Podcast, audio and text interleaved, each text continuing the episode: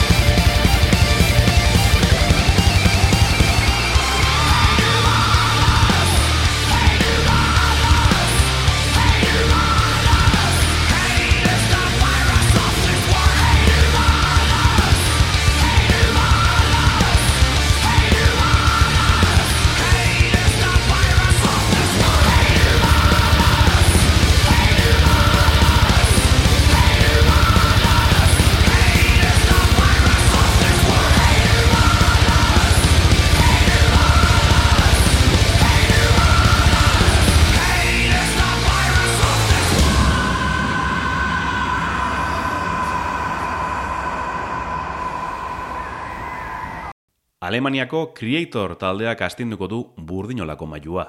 Guztiaren gainetik gorrotoa irudikatu dute Hate Uberales lan berriarekin. Mutur horretara iritsi gabe, batzuei gustatu zaie eta beste batzuei bat ere. Balantza horri begiratu ordez, balantzea merezi du thrash metal banda veteranoaren ibilbideak. Hate Uberales kantuarekin hasituko saioa. Metal Militia, Tyrant, Tormentor eta azkenik Creator izenarekin egin zuten aurrera laro lauan. Alemaniako esen irian elkartu zen hasierako irukoa. Mile Petrotza abesari eta gitarista, Jurgen Rail Bentor bateria eta Rob Fioretti basu jotzailea. Tormentor gisa bi maketa kaleratu bazituzten ere, Endless Pain estrenako diskoa, Creator deiturarekin plazaratu zuten, larogeita bostean. Amar egunetan, amar thrash metal abesti zuzen grabatu zituzten. Sodom taldean ibilitako Michael Wolf gitarista zenak osatu zuen laukotea denbora labur batez. Klasiko bihurtu diren zenbait kantu ditu lehen lan honek. Horietako bat da Flag of Hate.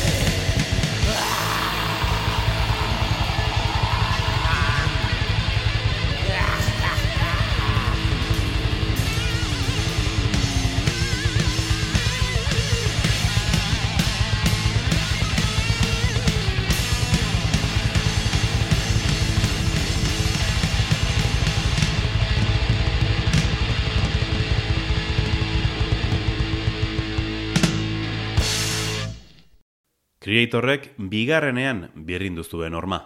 Larogeita Pleasure to Kill diskoarekin zer esana eman zuten Europako metal estenan. Urdura arte, kontzertu gutxi batzuk eman zituzten, baina bigarren lanarekin dena aldatu zen Alemaniarrentzat. Kontzertu bira bat egin zuten Celtic Frost eta Destruction taldeekin, eta Ameriketako estatu batuetara iritsi ziren Voidbot bandaren gonbidatu gisa. Gaur egun, Pleasure to Kill, thrash metal lan klasikotzat argen ezake. Ona hemen, nola ez, Pleasure to Kill.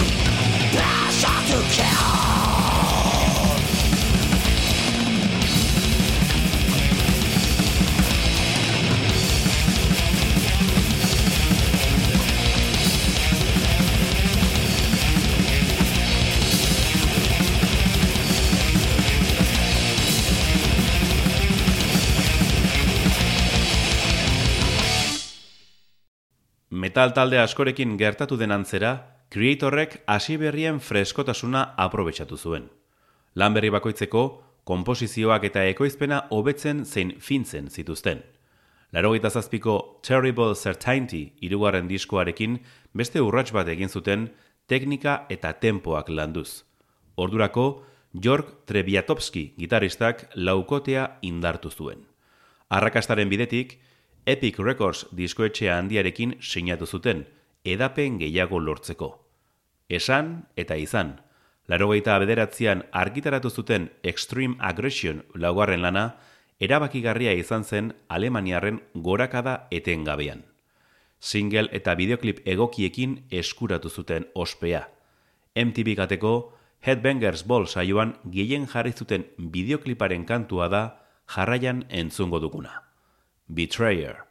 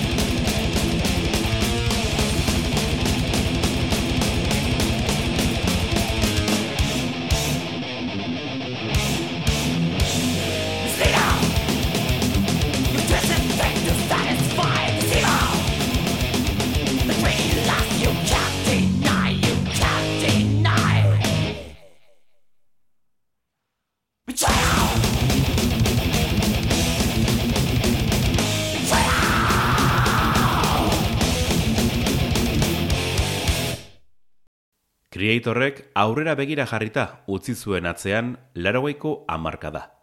Tritze gitaristak ospa egin zuen eta sodomen ibilitako Frank Blackfire fitxatu zuten. Laukotea berrosatuta, larogeita amarrean Coma of Souls bosgarren diskoa argitaratu zuten. Aurreko lanekin alderatuta, ez zituen horren kritika ona jaso, eta batzuek idatzi zuten errepikakorra zela. Hitz hori bera aurrerago ere aipatuko dugu. Dena dela, salmenta oso onak izan zituen, eta egun arte gehien saldu duten diskoa da. Hau duzue beste klasiko bat, lan honek ere izan badituelako. People of the Lie.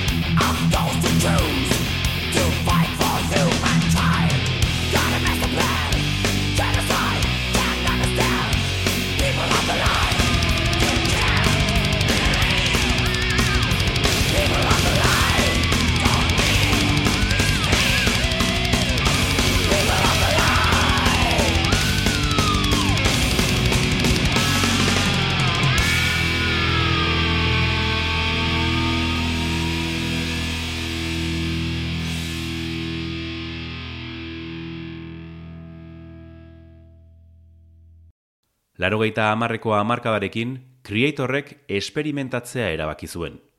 Thrash metalaren olatuak apar gehiena galdu zuen, eta Metallica, Megadeth eta Anthrax ospetsuagoen antzera, merkatuari men egin zioten. Creatorren kasuan, proposamena modernizatu zuten groove, industrial eta gothic metal doinuen bitartez. Larogeita amabiko Renewal diskoak ez ustean harrapatu zituen zale asko, eta hildo beretik jarraitu zuten larogeita amabosteko Cause for Conflict eta larogeita amazazpiko Outcast lanekin. Gorrotatuak bezain estimatuak dira. Horrez gain, Petrotza kide original bakar moduan geratu zen, Fioretik eta Bentorrek banda ustean. Ordezkoek ez zuten asko iraun, Christian Giesler basu jotzaileak izanezik. Aro arraro horretako lagin batek merezitu tartea. Horregatik, Outcast diskoko pieza ezagun bat berreskuratuko dugu. Fobia.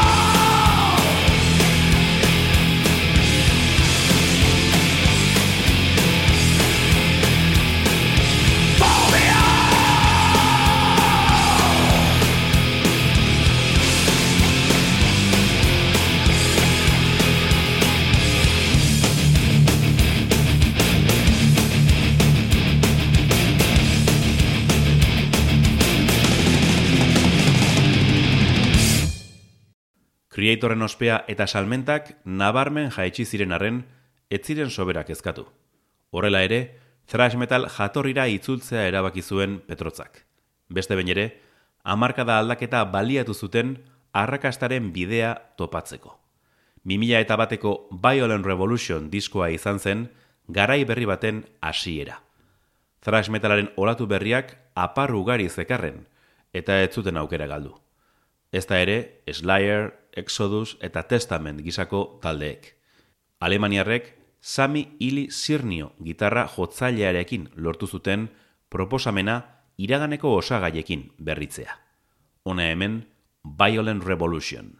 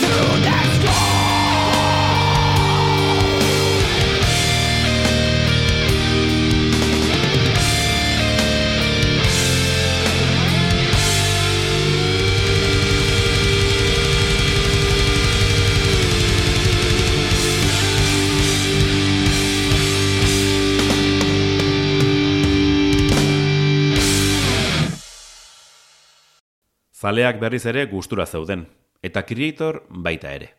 Zerbaitek ondo funtzionatzen duenean, formula horri eustea izaten da erabaki errazena. Hortaz, Petrotzak taula gainean mantentzeko erregai ona sortu zuen. Horren eredu dira, 2000 eta bosteko Enemy of God eta 2000 eta bederatziko Hordes of Chaos diskoak. Ezin esan, errepikakorrak eta aspergarriak direnik, batez ere joera bat dutelako. Thrash zuzen eta zikinura ahaztuta, melodikoagoa hobetsi zuten. Hau duzue, Destroy What Destroys You.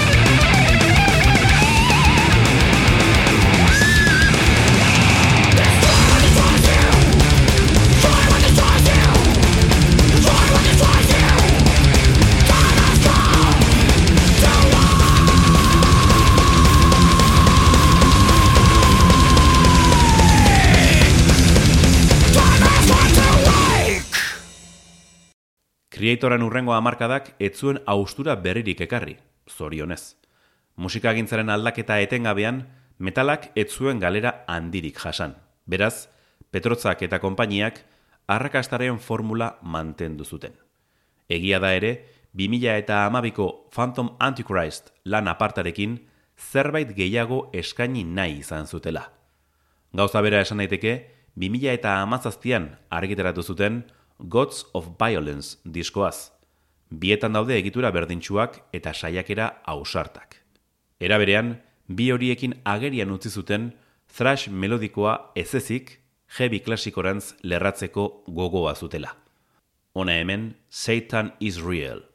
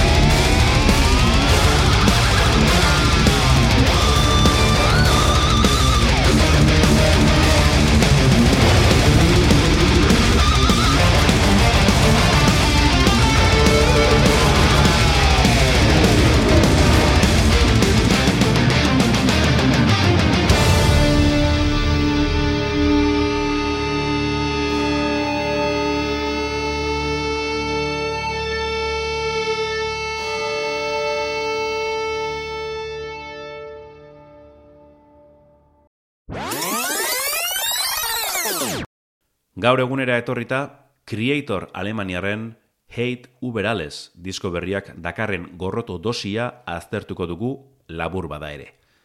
Sorterriari oso lotutako alemanierazko esaldi batekin hitz joko aproposa egin dute. Gustuko ez dutena ozen adirazteko. Akaso oldarkorragoa da mezua eta azala mamia baino. Izan ere, joera melodikoa are gehiago nabarmendu dute lan berrian. Baina ez dezagun gezurrik esan, betiko creator bortitzak ere presente daude eta. Hau duzue, Strongest of the Strong.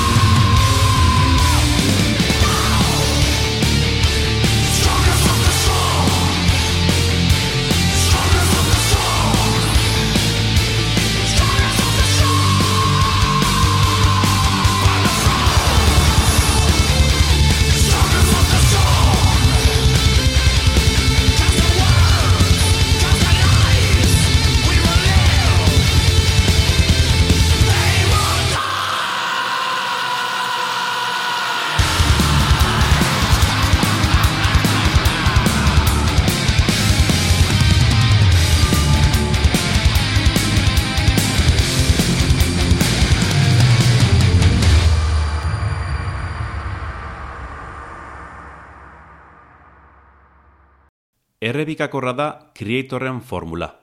Hori irakur daiteke Hate Uberales diskoaren kritika ezkorretan. Ulergarria da, egin batean, Alemaniarrek ez dutelako gehiegi arriskatzeko asmorik. Hori bera ulertzekoa da ere, egia esan. Hasierako thrash metal erasoaldia ez dute berreskuratuko ia lau amarkadaren ondoren. Esperimentuak egitea ere etzaieko meni. Beraz, musika sortzen jarraitu nahi badute, zer da egin behar dutena. Izan ere, erraza da kritika txarrak idaztea bestelako ekarpenik egin gabe. Errepikatzen duten formula ona den aztertu behar da, eta bai, ona da. Ona hemen, Become Immortal.